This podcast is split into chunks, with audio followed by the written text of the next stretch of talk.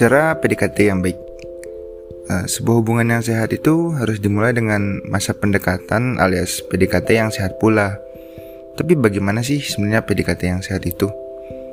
Uh, pertama, mulailah dari dirimu sendiri. Tanyakan pada dirimu apakah kamu sudah siap kembali menjalani hubungan dengan seseorang? Apakah kamu sudah siap membuka hatimu untuk orang yang baru? Dan apakah kamu sudah siap untuk tidak teracuni oleh masa lalumu. Kalau kamu masih belum yakin, sebaiknya tunda dulu. Hargai dirimu sendiri dan terutama hargai dia yang tidak seharusnya kamu jadikan sebagai pelarian. Kedua, uh, mulailah masa PDKT-mu dengan berteman. Walau kamu menyukai seseorang sejak pertama kali bertemu, tapi lebih baik jika mulailah dari fase teman dulu Beri waktu pada dirimu dan pada dirinya untuk saling mengenal, berteman dengan baik, kenali sifat dan sikapnya lebih dahulu, berusaha untuk menjadi seorang sahabat yang selalu ada dan bisa dipercaya. Tapi kenapa sih mesti gitu? Supaya kamu enggak ngegas duluan.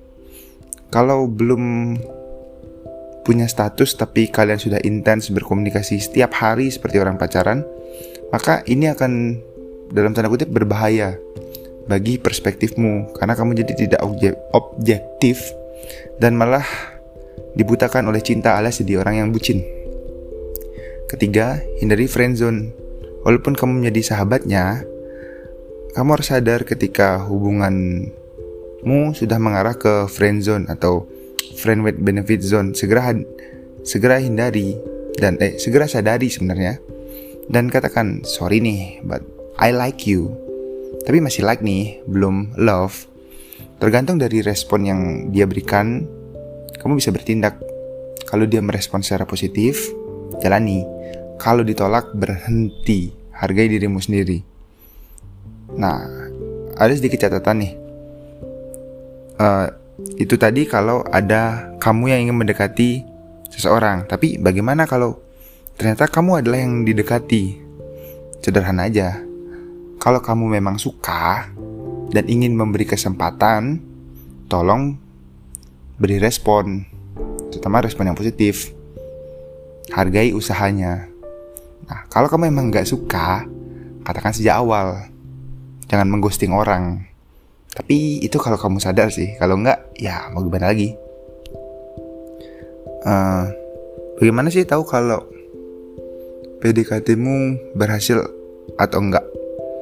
ada yang kita biasanya pakai eh kita biasanya ada yang disebut sebagai grafik waktu poinnya ada dua yaitu waktu dan waktu dekat kalian berdua waktu dekat ini adalah chat ngobrol flirting dan sebagainya kalau grafik kalian bentuknya menanjak terus-terusan artinya kesempatanmu terbuka lebar karena semakin lama kalian di masa PDKT, intensitas kedekatan komunikasi kalian juga makin tinggi.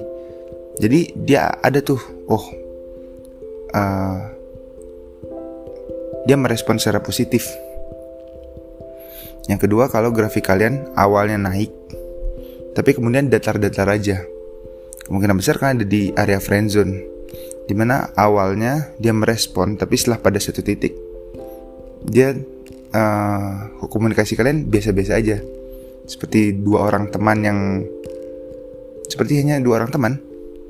Dan ketiga ada grafik jika grafik kalian adalah uh, seperti gunung meningkat. Kemudian menurun. Kemungkinan besar PDKT kalian gagal. Dan ingat kata tukang sate munduran mas. Nanti perih. Nah kenapa sih pakai grafik waktu ini? Karena waktu itu waktu adalah sesuatu yang berharga dan terbatas. Saat dia atau saat seseorang memilih untuk menggunakan waktunya untuk berinteraksi denganmu, berkomunikasi denganmu, pasti ada hal lain yang dia korbankan. Misalnya tidak mabar dengan temannya, tidak menjalani hobinya, tidak mandi, tidak tidur dan sebagainya. Um, itu sih tiga hal yang harus diperhatikan untuk menjalani sebuah PDKT yang sehat. Hargai dirimu dan hargai dia. Uh, satu advice tambahan nih. Kalau kamu sudah dalam tanda kutip lulus dari masa PDKT, maka kamu akan masuk ke masa yang namanya perbucinan, ya pacaran. Hubungan yang sehat itu biasanya membosankan. Coba tanyakan pada mereka yang punya hubungan yang sehat dengan pasangannya apa sih mereka cenderung mengatakan bahwa hubungan mereka membosankan.